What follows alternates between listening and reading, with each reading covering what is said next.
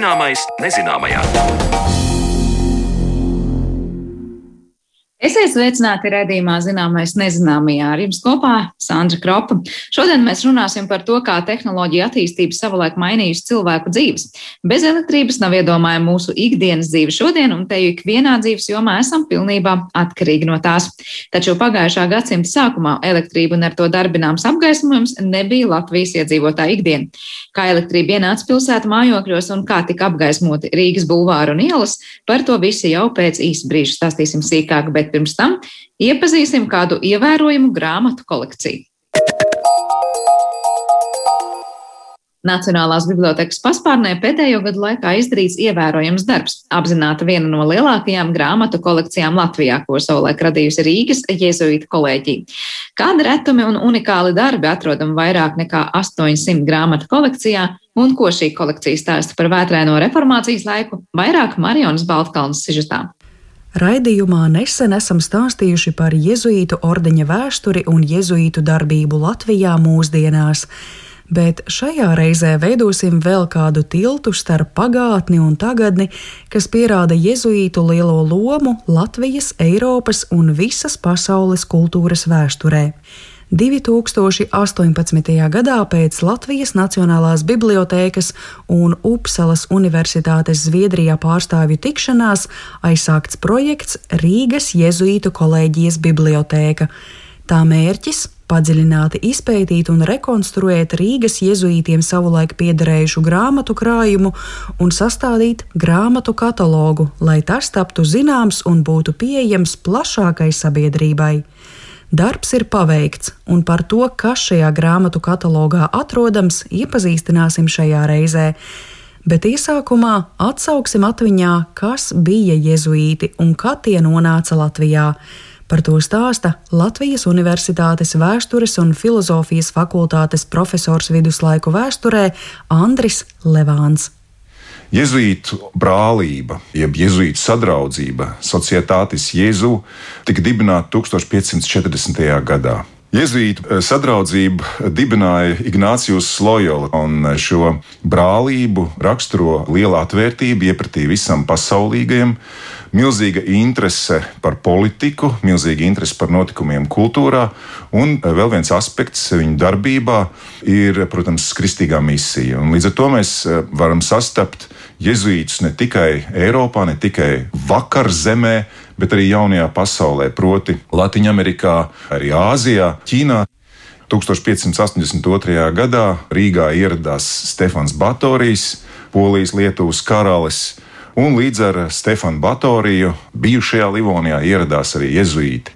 Tas, ka jēzuīti ienāca kopā ar uh, Stefanu Batoriju Rīgā, liecina par vēl vienu ļoti interesantu jēzuītu darbības aspektu. Ir tas, ka sākot ar 16. gadsimta nogali, Eiropā bija ļoti aktīvi aizsākusies tā saucamā katoliskā reformācija. Tas ir protestantiskā reformācija, protams, bija guvusi liels uzvaras iepratī vecajai Romas katoļu baznīcai. Taču jēzuīti līdz ar 16. gadsimta otro pusi iezīmēja, varētu teikt, jaunu pagriezienu. Proti, tas ir, ka bija uz Eiropas politiskās un konfesionālo attiecību skatuves uznācis pavisam jauns, ļoti enerģisks spēks, proti, jēzuīti. Ir tāda viena konkrēta vieta, no kurienes viņi nāca. Jūs teicāt, ka viņi nāca kopā ar Stefanu Batorītu. Tā ir automātiski Polija vai tās ir dažādas vietas? Protams, ja mēs paskatāmies uz eh, jēzuītu sadraudzību, tad mēs eh, redzam, ka tā ir multinacionāla korporācija, garīga korporācija. Viņi ir nākuši gan no Itālijas, jo ļoti daudz šo jēzuītu uzturējās pāvesta kūrijā. Tātad itāļi, poļi, arī lietuvieši, starp citu arī latvieši 17. Eh, gadsimtā ļoti iespējams mēs varētu atsevišķi šādus individus konstatēt, tika izaudzināti jēzuītu vadītāji vadītās skolās. Bet nu pietuvojamies grāmatu stāstam. Grāmatām ir gan praktiska, gan simboliska vērtība, un grāmatas ir sava veida iepriekšējās pagātnes liecinieki. Jēzuīti sastopas ar pagātni un turpina to stāstīt tālāk. Kopš 1582. gada pavasara Stefans Batorijs, respektīvi viņa diplomātiskie pārstāvji, kur galvenokārt bija arī jezuītu sadraudzības piedarīgie, veida sarunas ar Rīgas pilsētu, respektīvi Rīgas rātu, jo bija pilnīgi skaidrs, ka Rīga kur katru brīdi pāries Polijas karaļa pārvaldībā. Un bija jautājums par to, kā tiks restituēti, atgriezti katoļu īpašumi, uz kādiem noteikumiem varēs atkal darboties katoļu teiksim, konfesija, katoļu baznīca. Un tajā pašā brīdī arī bija svarīgi tas, tad kā jezuīti apliecinās sevi šajā jaunajā politiskajā un kultūras situācijā. Un, protams, viens no šādiem instrumentiem ir bija lēmums par jezītu kolēģijas dibināšanu Rīgā. Un šo jezītu kolēģiju izveidoja 1583. gadā, ņemot vērā lūk šo vienošanos starp Polijas karali un Rīgas pilsētu. Un tā skaitā arī vēl pēdējo atlikušo, varētu teikt, nelokāmo Rīgas katoļu institūciju, proti, tas ir Marijas Magdalēnas cisterciešu sieviešu konvents, kuru tad arī lūk, jezuīti pārņēma savā īpašumā, savā valdījumā. Gan klosteri, gan visus tātad, šī klostera īpašumus, un, protams, arī eh, Svētā Jēkaba baznīcu. Un līdz ar to tas nozīmē, ka kolēģija kalpoja gan izglītības mērķiem, gan arī citām aktivitātēm, bibliotekas veidošanai. Un, protams, jezuīti kā autori, kas gan tulkoja literatūru no dažādām valodām. Šeit gan ir jāsaka, tā galvenokārt tie ir eh, garīga rakstura teksti, bet, eh, protams, mēs redzam, ka tie ir arī, mēs šodien sauktu filozofiski teksti, filozofiski traktāti, polemiski traktāti. Jo, ja mēs iedomājamies eh, Rīgu 16. gadsimta pašās beigās, 17. gadsimta sākumā, tad eh, patiesi ir eh, situācija, kur vienotrai līdzās ir divas konkurējošas un eh, sevi kā sānceņšus apzinošās konfesijas pavisam noteikti. Tieši jezuīti ir tie, kuri sacerēja, varētu teikt, pirmos tekstus, kas dokumentēja notikumus visam nesenā vēsturē, respektīvi Svētās Marijas Magdalēnas cisterciešu māsu klostera likteni, cisterciešu māsas bija palicis, varētu teikt, tāds vienīgais cietoksnis, vienīgais eh, katoļu ticības bastions ne tikai Rīgā, bet visā bijušajā Livonijā. Līdz ar to tas bija tas notikums un tā saikne, kas ļāva jezuītiem pamatot savas darbības, nu, varētu teikt, leģitimitāti. Jo viņi beigu galā bija šī klostera un šo māsu mantinieki un pēcteči. Jēzuītu darbība Poļu vidzemē un Latgalē beidzās 19. gadsimta pirmajā pusē, taču Rīgā tā tika pārtraukta jau 1621. gadā, kad Rīga krita Zviedrijas karaļa rokās. Atkal mainījās spēku samēri konfesijās. Saskaņā ar tā laikmeta praksi uzvarētājs, Zviedru karaspēks, konfiscēja saviem ideoloģiskajiem pretiniekiem, katoļu baznīcai, visa veida materiālās vērtības iekarotajās teritorijās.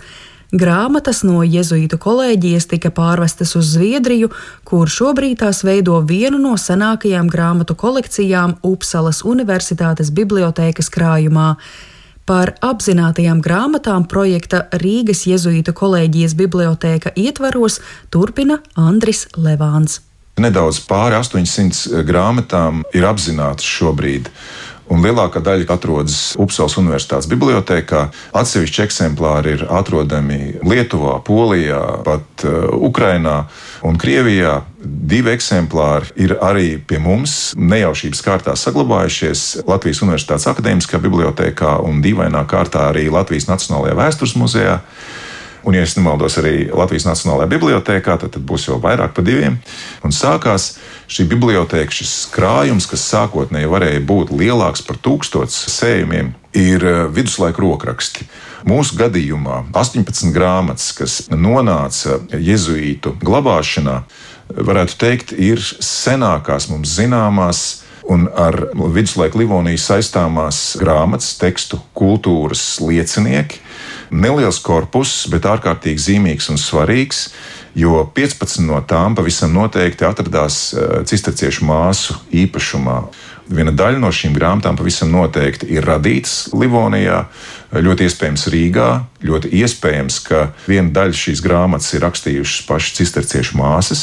Protams, galvenā valoda, kurā ir rakstīts šīs grāmatas, ir latīņu valoda, bet ir arī viduslaiks vācu valodā, kas tika plaši lietot eh, viduslaiku Rīgā un eh, līdz pat 16. Eh, gadsimta nogalēji, protams, jau modificētā, modernizētā formā viduslaiks vācu valoda tika ar vien vēl lietot. Protams, ka šīs grāmatas tika lietotas katru dienu. Tātad nevis svētkos vai kādās atsevišķās izņēmuma reizēs, bet katru dienu brevijārijas, stundu lūkšanu grāmatas un arī tātad, citi šie teksti tika lietoti katru dienu.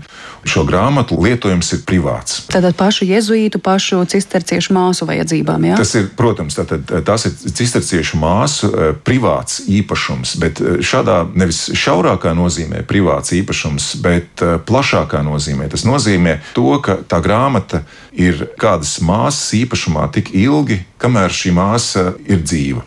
Kad šī māsa mirst, viņas dzīves laikā lietotās lietas pāriet kopienas īpašumā. Šī iezīme tad atšķir cisterciešu māsu stundu lūkšanu grāmatas vai privātas piezīmes no tiem tekstiem, kurus rada paši jēzuīti. Viņu veikums ir paredzēts plašai sabiedrībai, Un lūk, vienu šādu unikālu veikumu līdz nākamā gada 29. janvārim iespējams aplūkot izstādē Atgriešanās senākā dzīvā grāmata latviešu valodā Latvijas Nacionālajā bibliotēkā. Tas ir Nīderlandiešu jēzuīta Petra Kanīzija latviešu valodā tulkotais katoļu katehisms, kas izdots Viļņā 1585. gadā. Protams, mēs šodien šo lingvistisko fenomenu saucam par latviešu valodu. Tas varbūt eh, šodienas lasītājiem stipri maz atgādinās mums zināmo, pierasto, eh, standartizēto latviešu valodu. Maza formāta, necila grāmatiņa, taču ārkārtīgi nozīmīga, jo, manuprāt, šeit eh, Gustavs Strenga, kurš ir Nacionālajā bibliotekā, vēl ar vienu skatāmās izstādes, kas ir veltīta vienai grāmatai, kurators. Viņš ir atradzis īstos vārdus, vienīgā dzīvā grāmata kopš tā laika. Jo grāmata patiešām ir tik ilgi dzīva, kamēr mēs par to runājam, par to domājam, to lasām, to pieminam. Latvijas Nacionālās bibliotēkas bibliogrāfe Laura Kreigere Liepiņa attālināti ierakstītā sarunā norāda, ka no 1200 katehisma eksemplāriem, kas tam laikam bijusi liela tirāža, saglabājušies tikai trīs no kuriem Upsalas Universitātes bibliotēkas eksemplārs ir vienīgais pilnais šī izdevuma eksemplārs. Bet vērienīgajā grāmatu kolekcijā, kas šobrīd apzināta, Laura Kreigere Liepiņa izceļ vēl kādu dārgumu. Droši vien gandrīz katrs Latvijas iedzīvotājs ir dzirdējis vismaz vienu reizi skolā par tā saucamo Gisberta tēvreizi kas ir katoļu priestera Nikolausa Gisberta rokrakstā 16. gadsimta pirmajā pusē veikti ieraksti katoļu agendā. Un tātad arī šī grāmatiņa atrodas aizvestajā krājumā, grāmatniecības vēsturē un kultūrā šī grāmata un ieraksti ir nozīmīga ar to, ka tas tiek uzskatīts par senāko zināmo ar roku rakstīto tekstu latviešu valodā. Kamēr, protams, nav datu par vēl kādu senāku avotu. Projekta mērķis bija iespēja robežās atrast arī Rīgas kolēģijas grāmatas vēl citās valstīs. Vēl pirms pandēmijas projekta dalībnieki fiziski apmeklējuši daudzas bibliotēkas, un Rīgas jēzuītu grāmatas atpazītas pēc zīmogiem un īpašuma ierakstiem titullapās vai kur citur grāmatā cik labi saglabājušās bija grāmatas un ar ko līdztekus Petra Kanīzija grāmatai Latvijas Nacionālās bibliotēkas telpās var iepazīties interesanti, stāsta Laura Kreigere Liepiņa. Grāmatas liela daļa krājuma ir ļoti pārsteidzoši labā stāvoklī saglabājušās. Upsals Universitātes bibliotēkā daudzas grāmatas izskatās tādas, ka tās vispār nebūtu lasītas. Es varu iedomāties, ka jezuīti ir iepirkuši šīs grāmatas un varbūt nav paspējuši tās lietot. Mūsdienu lasītājam šobrīd ir šis katalogs apskatāms un lasāms. Tajā tad var eh, tādu kopainu par visām grāmatām redzēt, kas ir um, toreiz atradušās jezuītu kolēģijas grāmatu krājumā. Digitalizētas ir um, pašas vērtīgākās uh, grāmatas, un tās, kuras mēs vēlējāmies prezentēt eh, digitālajā izstādē. Mājaslapā Eiropāna, kurā var eh, redzēt eh, vērtīgākos eksemplārus un tādu stāstu visaptverošu no pašiem pirmsākumiem līdz bibliotekas rekonstrukcijai mūsdienās. Arī Latvijas Nacionālās Bibliotēkas digitālajā bibliotekā ir atrodami un brīvi pieejami daži šīs kolekcijas eksemplāri. Viens no tiem kas, manuprāt, ir ļoti vērtīgs. Tās ir Rīgas Jēzus kolēģijas rēķinu grāmatas, kurās jēzuīti pierakstīja visus kolēģijas ienākumus un izdevumus. Viņiem bija daudz īpašumu arī ārpus Rīgas, un viens no tiem ir Mazjumtravas mūžas īpašums par kuru ļoti daudz arī šajās rēķinu grāmatās ir rakstīts, kā sauca nomniekus un cik tie maksāja. Un uh, otrajā grāmatā, kur ir um, jēzuītu izdevumi piefiksēti, tur mēs varam uzzināt, kādas grāmatas jēzuīti iegādājās, no kurām valstīm tās veda, cik maksāja grāmatu iesējējiem. Un arī ne tikai par bibliotēku, bet arī par citiem izdevumiem, par um, labību un par baznīcas uzturēšanas izdevumiem un tā tālāk. Jēzuītu grāmatu katalogā iekļauti arī pētnieciskie raksti un eseja, un visā šajā darbā nopelni ir arī Andrim Vilkam, Andriju Petegrī un Arturam Dera Veduvenam no apvienotās karalistes, Gustavam Strangam, Renātei Bergai, Reinim Norkārklam un vēl daudziem citiem cilvēkiem gan Latvijā, gan ārvalstīs un nenoliedzami paldies arī maniem sarunu biedriem Latvijas Universitātes vēstures un filozofijas fakultātes profesoram viduslaiku vēsturē Andrim Levānam un Latvijas Nacionālās bibliotēkas bibliogrāfei Laurai Kreigerē Liepiņai, kuru ieguldījums kopīgajā darbā sniedzis nozīmīgu pienesumu Latvijas kultūrai un zinātnei.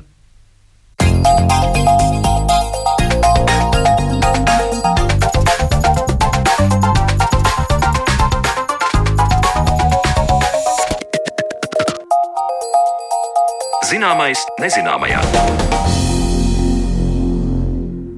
Gada tumšākais laiks kārtējo reizi mums atgādina, cik atkarīgi esam no mākslīga apgaismojuma. Kad Rīgas mājokļos ienāca mums zināmās spūdzes, lampas un lustras, un kā elektrības ienākšana iedzīvotāju dzīvēs mainīja ikdienas paradumus, par to vairāk runāsim šodien ar mūsu viesi, vēsturnieku Mārtiņu Mintauru. Labdien! Labdien! Ja mēs runājam par Rīgu vai, vai par Latvijas teritoriju kopumā, nu kurš ir tas atskaites punkts, kad jums kā vēsturniekam ir ko pētīt un ir ko teikt par to, kā vispār šī elektrības ienākšana nu, sevi izpauda mūsu pilsētnieku dzīvēs? Vai ir kāds atskaites punkts tam visam?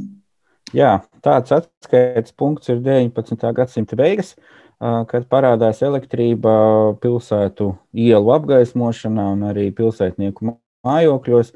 Bet jāsaka, ka līdz tam vēl ir diezgan tāls ceļš ejams līdz pašām 19. gadsimta beigām, līdz 19. gadsimta 80. gadiem. Rīga, protams, bija pirmā no lielākajām Latvijas teritorijā esošām pilsētām, kurā šī elektrība ielu apgaismošanā parādījās. Kaut gan tāda centrālā Rīgas elektrostacija domāta visas pilsētas vajadzībām, nevis atsevišķiem uzņēmumiem vai uh, vai fabrikām, tāda tika uzcelta un, un iedarbināta tikai 1905. gadā. Pašās 5. gada revolūcijas dienās, martā sāka darboties, un, un 1. maijā tika oficiāli atklāta. Tā bija elektrostacija, kas atradās Rīgas ostā, Andrejas salā un kas tika lielā mērā iznīcināta Otrajā pasaules karā, Vācu karaspēkam atkāpjoties no Rīgas, bet ir saglabājušies šīs pirmās elektrostacijas tā, tad, tad, nu, vadības ēka un, un administrācijas ēka, kurā tagad ir Latvijas energoenerģētikas muzeja krātuve. Un to arī var, var apskatīt. Tā ir tāda interesanta, romantiskā, romantiskā 19. gadsimta beigu stilā celta, celta ēka. Bet ar elektroapgādi Latvijas teritorijā ir tā, ka tā sāka veidoties tādos atsevišķos lokālos punktos, tātad pirmkārt lielākajās pilsētās, Rīgā un Liepājā.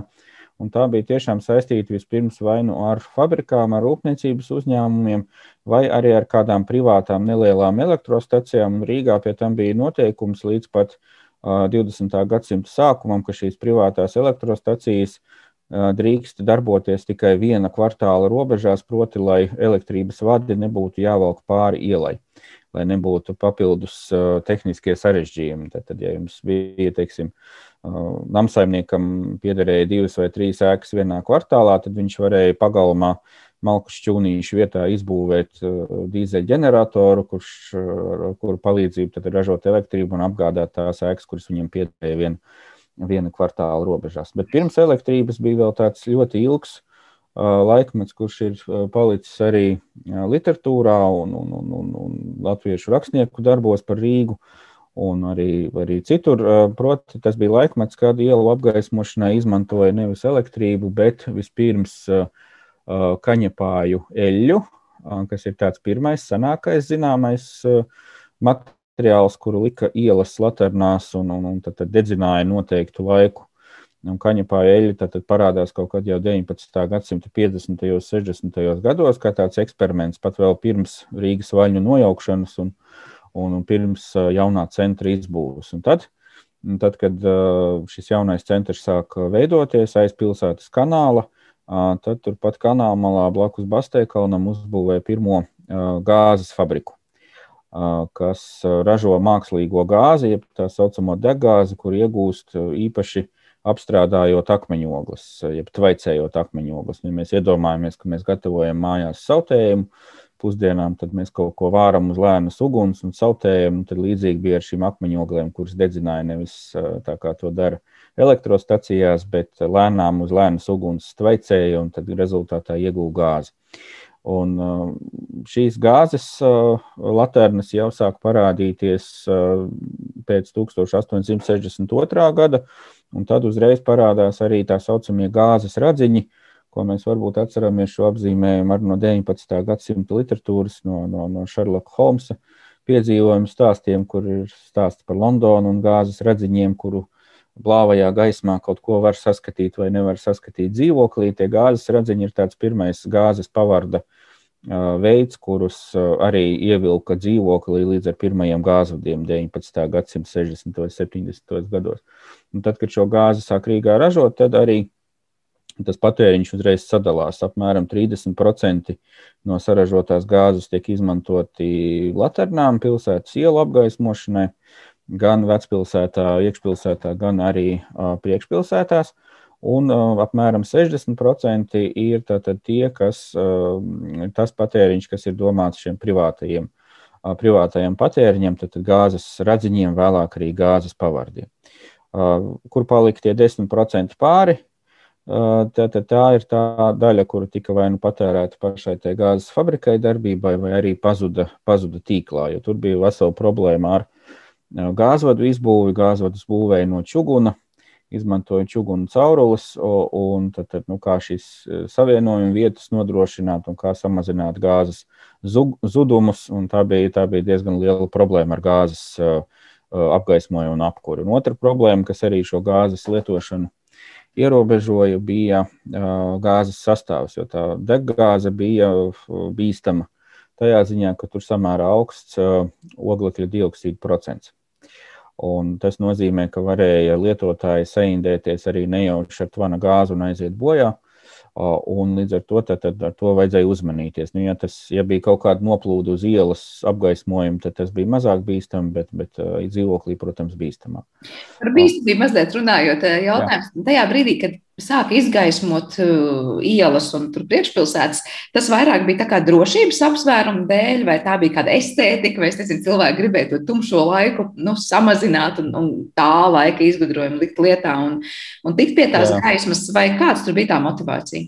Nu, pirmkārt, tie bija drošības apsvērumi, jo ir saglabājušies arī pilsētas policijas priekšnieki, policija meistara rakstītie dokumenti un sūdzības pilsētas valdē, ka teiksim, ielu apgaismojums gan tiek ierīkots 19. gadsimta beigās, un to lielā mērā balstīja nevis uz gāzi un uz elektrību ārpus centra, bet uz petroleju. Jo petrolejas gan tā tehnoloģija bija vienkāršāka, gan petrolēja, vien, petrolēja bija pats par sevi lētāks materiāls, un tāpēc ielu apgaismošanai pamatā izmantoja petrolēju. Un arī petrolēja, protams, pirka privātie iedzīvotāji savu dzīvokļu apgaismošanai. Bet, kas attiecas uz ielām, tad tur tiešām ir policijas sūdzības par to, ka, piemēram, 19. gadsimta beigās petrolējas lampas uz ielas dedzināja tikai līdz pulksten diviem naktī taupības nolūkos, un ja bija uh, spožs mēnesis vakarā un naktī, tad uh, tās, to ielu apgaismošanu vispār neieslēdz. Tad, tad nu, no vienas puses veidoja šos, šo apgaismas tīklu un to veidoja tā koncentriski pamazām no vecpilsētas uz centru un tālāk uz priekšpilsētām. Ir arī statistika, ir saskaitīts, cik kurā priekšpilsētā bija kāda veida apgaismojums, kur izmantoja gāzi, kur izmantoja elektrību, kur izmantoja petroleju. Nu, Pārdaugovā, tā saucamajā Jelgavas priekšpilsētā, toreiz, kas ietvēra faktiski visu Pārdaugovu, tagad mums tur ir divas priekšpilsētas Bet uh, 19. gadsimta beigās tad, tad, nu, pārdaugo pilnībā pārtika no šīm petrolejas, apgaismojuma. Un, un, un attiecīgi, labāk rasta priekšpilsētās, uh, Pēterburgas un Maskavas priekšpilsētā, tur bija gan gāze, gan, uh, gan petroleja, bet petroleja bija, bija teiksim, populārāka. Kāpēc tad, sadalījums tas vairāk ir saistīts ar eh, kaut kādu, nezinu, sabiedrības dažādiem slāņiem, kas bija kur vai rocību? Vai kas... Arī tas ir pirmkārt saistīts, tāpēc, ka pilsētā tas bija jādara par saviem līdzekļiem.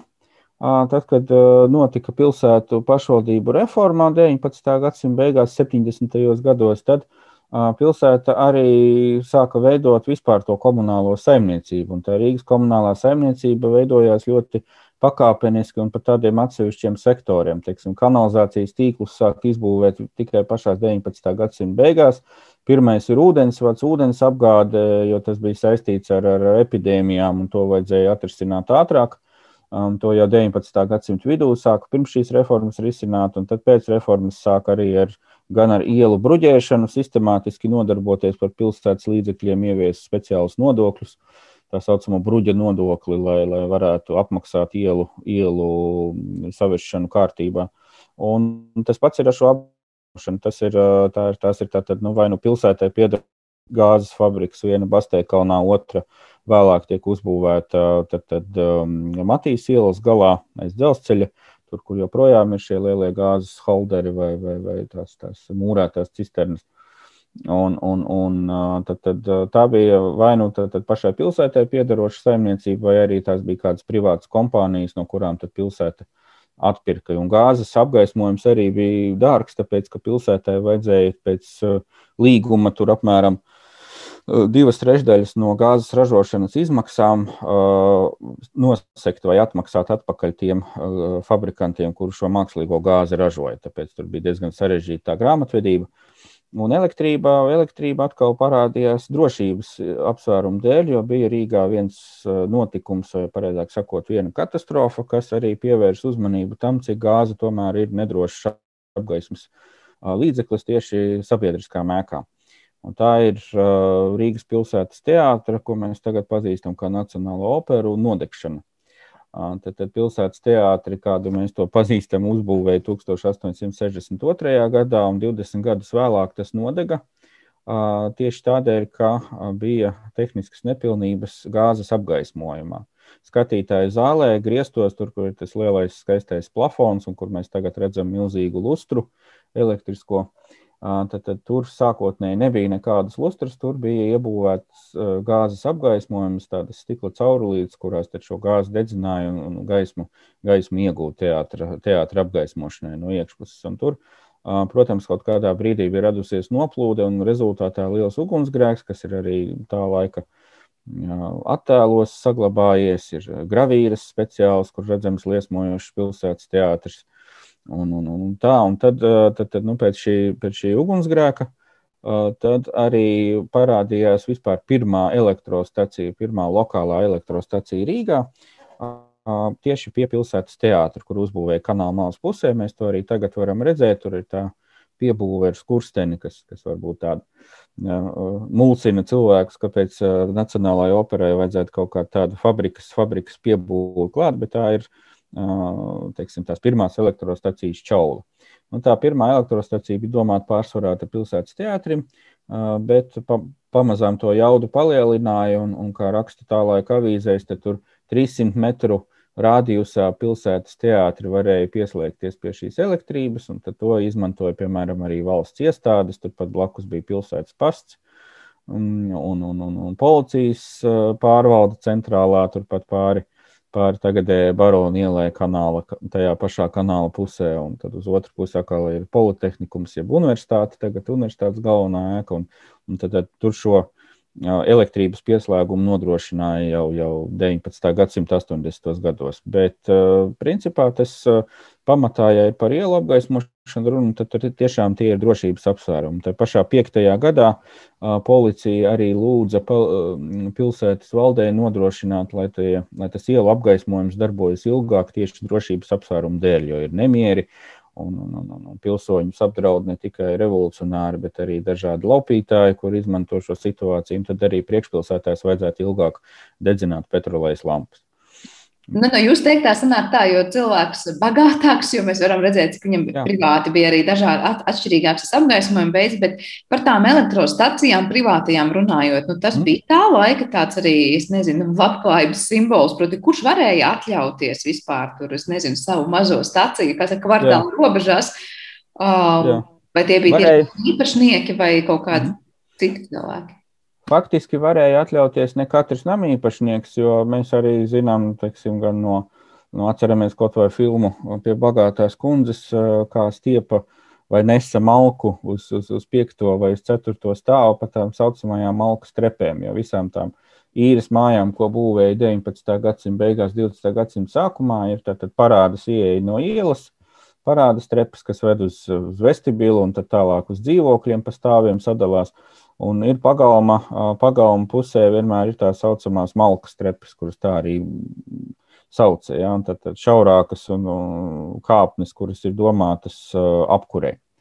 Un, piemēram, teiksim, Berga bazārā, kas bija teiksim, nu, vien, viens no lielākajiem tādiem kvartāliem, un arī pats īpašnieks bija lielākais nodokļu maksātājs Rīgā.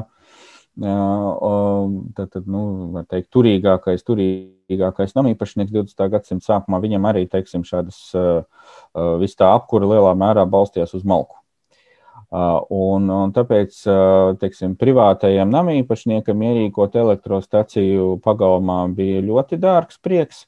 Un tāpēc tās elektrostacijas, tie ģeneratori parādījās lielākoties tur, kur bija kaut kādas darbnīcas, kaut kādas nelielas fabrikas, uh, kaut kāda metāla apstrāde vai, vai, vai teiksim, tās pašas korķu fabrikas savulaik populārās un tādas.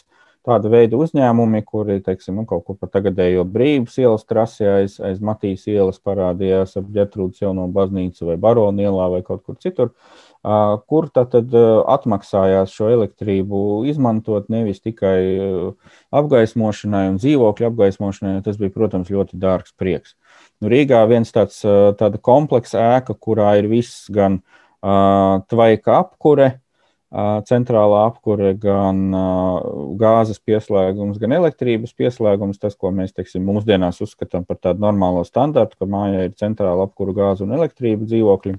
Tad pirmais tāds kvartāls, kurā tas viss ir uzreiz jau no sākta gala iebūvēts, ir uh, Brīvības un ģērtrūdas ielas stūrī. Ja mēs ejam pa ģērtrūdas ielu, skatoties uz vecās ģērtrūdas baznīcu, tad pārējot brīvības ielai labajā pusē ir tāda, tāda jūgana stila māja, kas iet pa puskvartālu tādu apkārt, pa pusē apkārtam laukumam, kas ir pie vecās ģērtrūdas baznīcas. Tad, tad tā, tas jau ir 1910. gads, kur ir pirmais tāds komplekss, pirmais kvartāls, kur viss jau sākotnēji ir iebūvēts.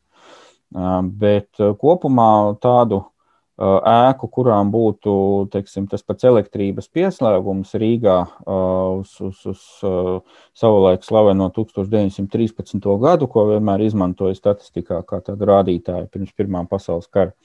Tad, tad uz to pašu 13. gadu apmēram 10% vai pat nedaudz mazāk kā 10% no dzīvojamām ēkām, kuras bija Rīgā, bija pieslēgtas pie elektrības. Tad ir ja rēķini kaut kur 12,000 dzīvojamās ēkas Rīgas pilsētas teritorijā, ieskaitot priekšpilsētas, tad, tad nu, kaut kādi apmēram 9-10%, nedaudz vairāk par tūkstoši, tūkstoši no šīm 12,000 bija, bija pieslēgts pie elektrības. Un tāpēc tā petrolēja saglabājās faktiski līdz pat 20. gadsimta otrajai pusē, arī privātajam patēriņam, samērā ilgi un stabili.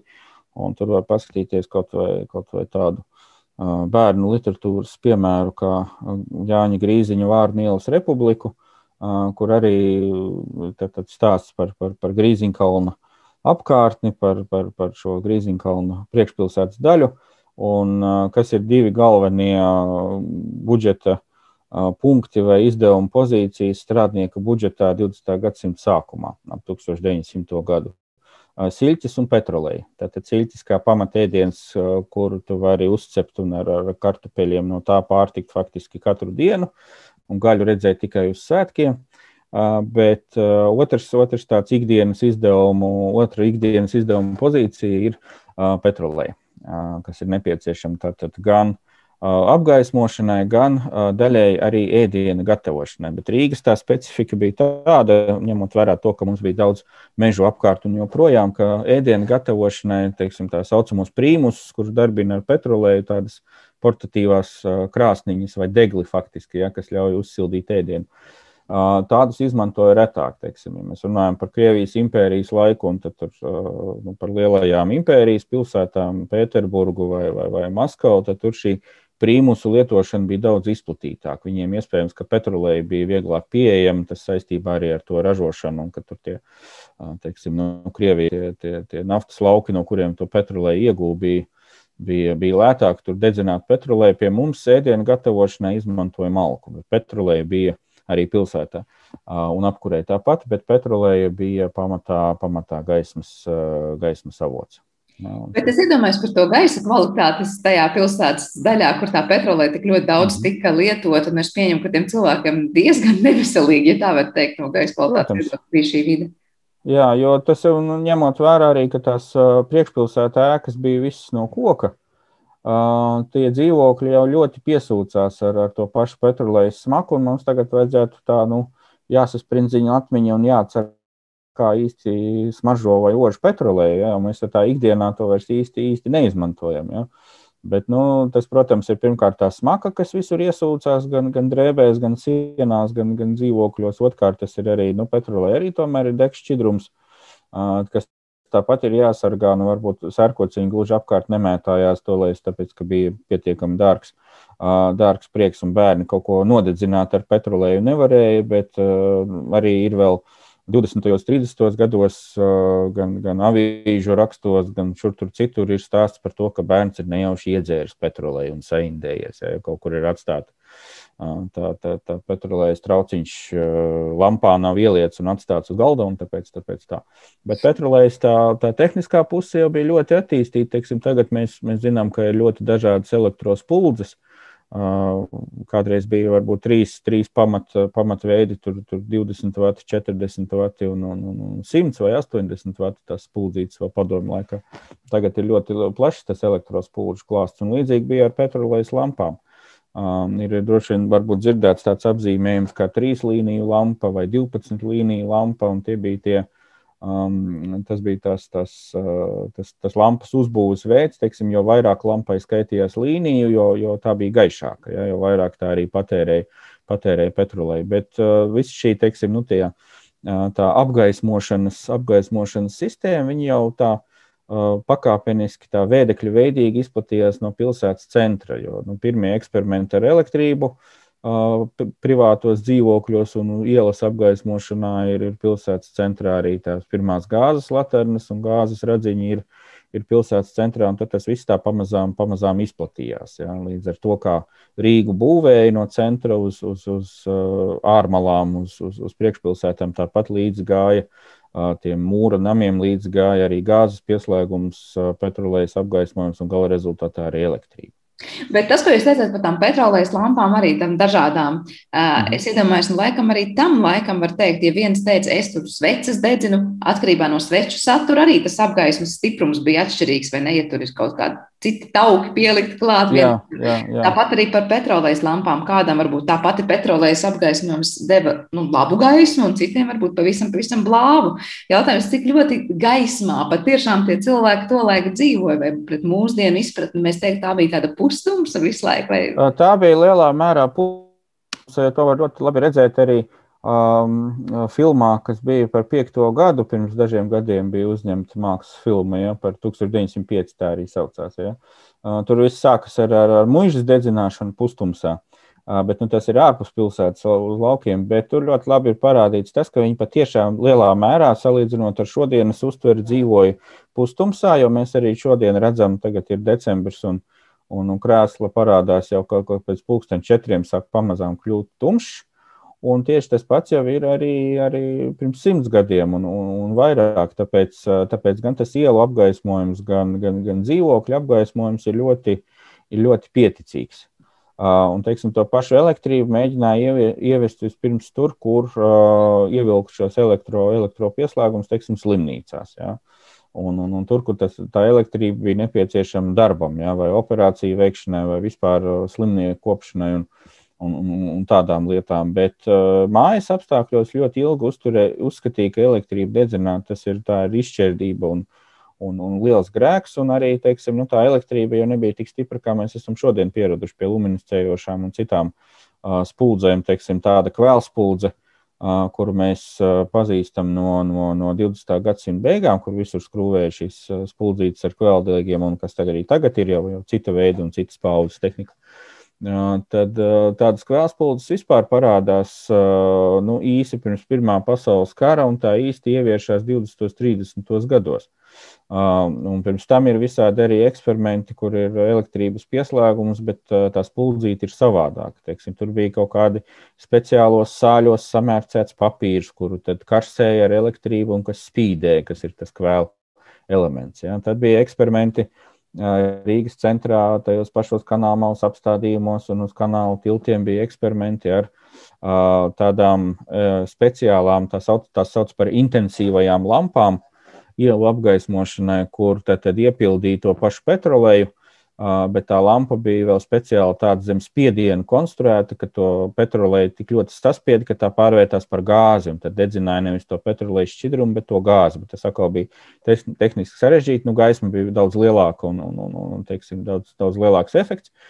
Bet tas bija atkal tehnoloģiski sarežģīti un dārgi. Tā kā šodien ir pat grūti iedomāties, ka mēs esam pieraduši pie tā, ka nu, visur ir elektrība un atliek uh, nospiest pogu vai pagriezt slēdzi un, un viss darbojas tad faktiski tas viss, tas viss rodas tikai 20. gadsimta vidū.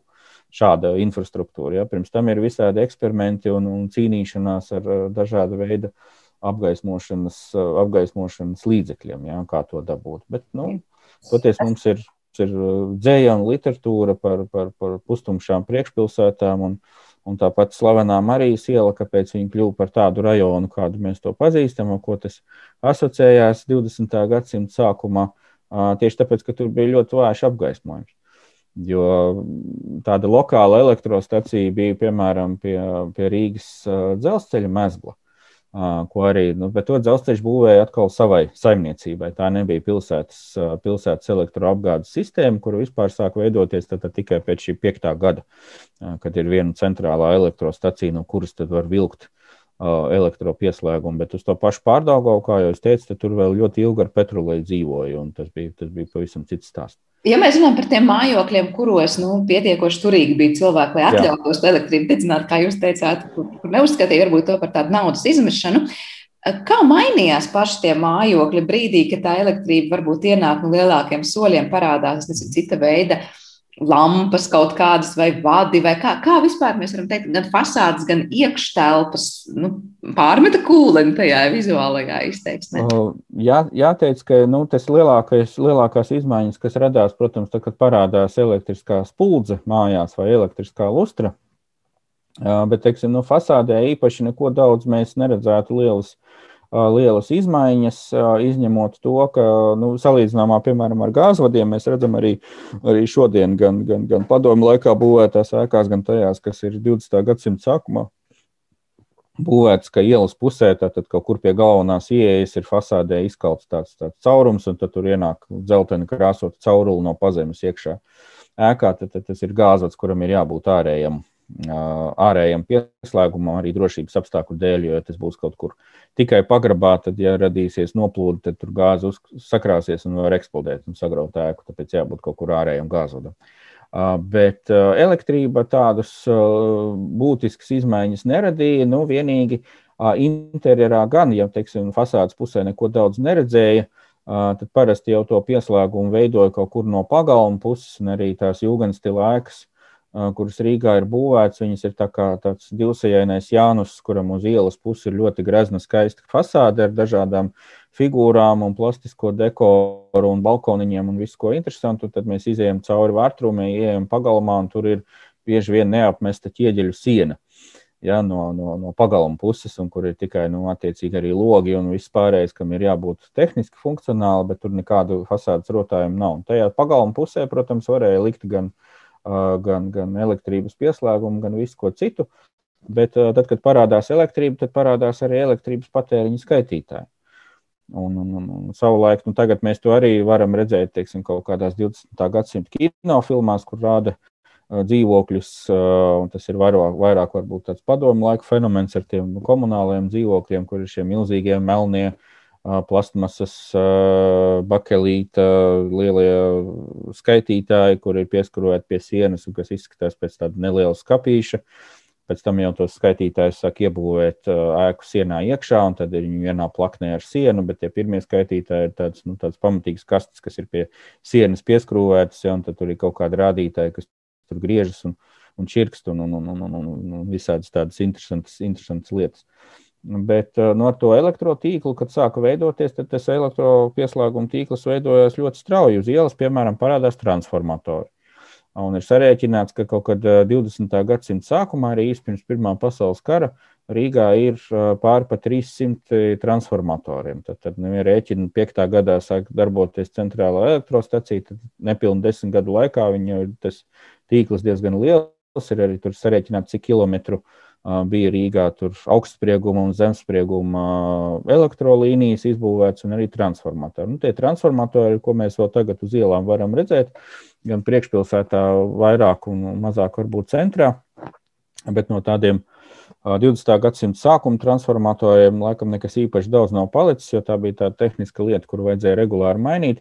Bet mēs varam Rīgā redzēt tādas nelielas dzeltenas mājiņas, parasti dzelteni krāsotas mājiņas bez logiem, bez durvīm, kā latviešu tautas mīklā ar tādu slīpu, slīpu trīsstūri jumtiņu un uh, zibeņu fasādē. Tas ir 20. gadu tāds art deko uh, stils.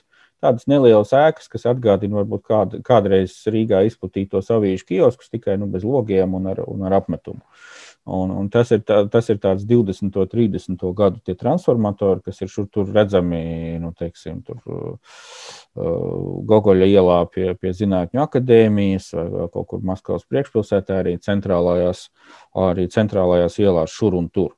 Ja, tad, tad tās ir kaut kādas tādas lietas, kas ienāk, ienāk Rīgas, Rīgas tajā, nu, pilsētas sejā. Tā. Tāpat arī, ja skatās 20. gadsimta sākuma pastkartes, vēl pirms Pirmā pasaules kara, tad ļoti populārs arī ir tāds industriālā dizaina objekts, kā šie milzīgie elektriskās apgaismas stabi kas šur tur ir saglabājušies. Un, ja mēs tagad gribētu redzēt, kāds izskatījās tāds 20. gadsimta elektrības apgaismas stabs pilsētas ielā, tad mums ir jābrauc ar septīto tramvaju pa Maskavas ielu līdz mazā kalnu ielas, mazās kalnu ielas pieturē, kur ir tas tā tirdziņa vieta rekonstruēta pieturā. Tur ir tas tā, tā, tie tirzniecības galdu un nojums, un tur ir arī tās tie laternu stabi, tādas replikas.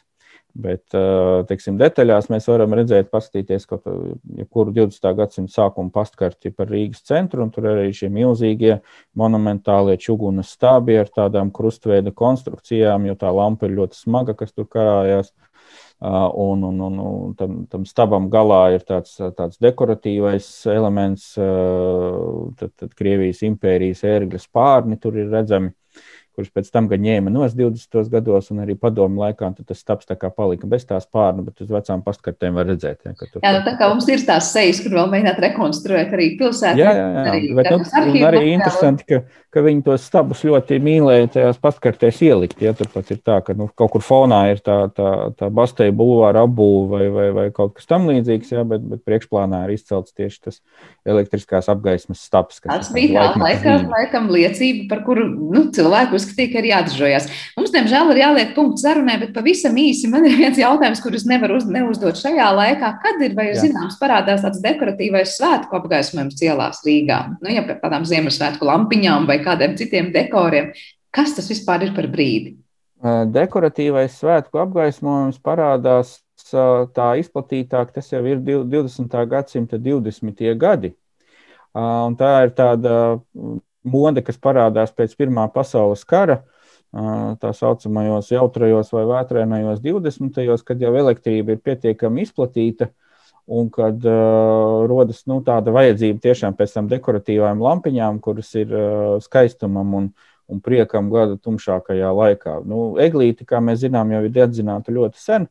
Rīgā, gan, gan Rāclaukumā, gan šur tur citur, bet tā vēl ir tāda nu, dzīvā uguns un, un, un svecīts vai kaut kas tāds, kas ir tikai nu, ar, ar Ziemassvētkiem saistīts. Ja, un, un, un tie paši lāpu gājieni, kas tur ir zināmi arī no, no, no, no 18. gadsimta vismaz uh, svētkiem, uh, tie arī ir, protams, bijuši, bet uh, atkal jāsaka, ka taupīgie taupīgie rīznieki sāk atļauties dedzināt elektrību svētkiem tikai, tikai prieka pēc no 20. un 30. gados. Un tad tas arī ļoti plaši izplatās, un tur var atcerē, atcerēties uh, vismaz Belševicas uh, romānu par Billi, kā Billi brauc uz 18. novembra svētkiem 30. gada beigās, un arī tas, ko jūs jautājāt, kā, uh, kā, kā mainās tie sociālie slāņi, ka Grīziņkalnā, nu, teiksim, tur uh, veikala, veikala skatlogā ir ielikta Kārļa Ulmaņa bilde vai portrets, un Grīziņkalnā pie, tā ulmaņa bilde, pie tās Ulmaņa bildes skatlogā deg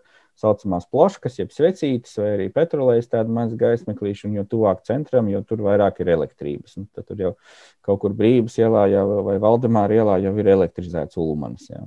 Redz, kā arī tiešām dažādos laikmetu sejās var ieraudzīt to, kā cilvēki dzīvoja, strādāja, domāja, darīja, pelnīja un tērēja savu naudu.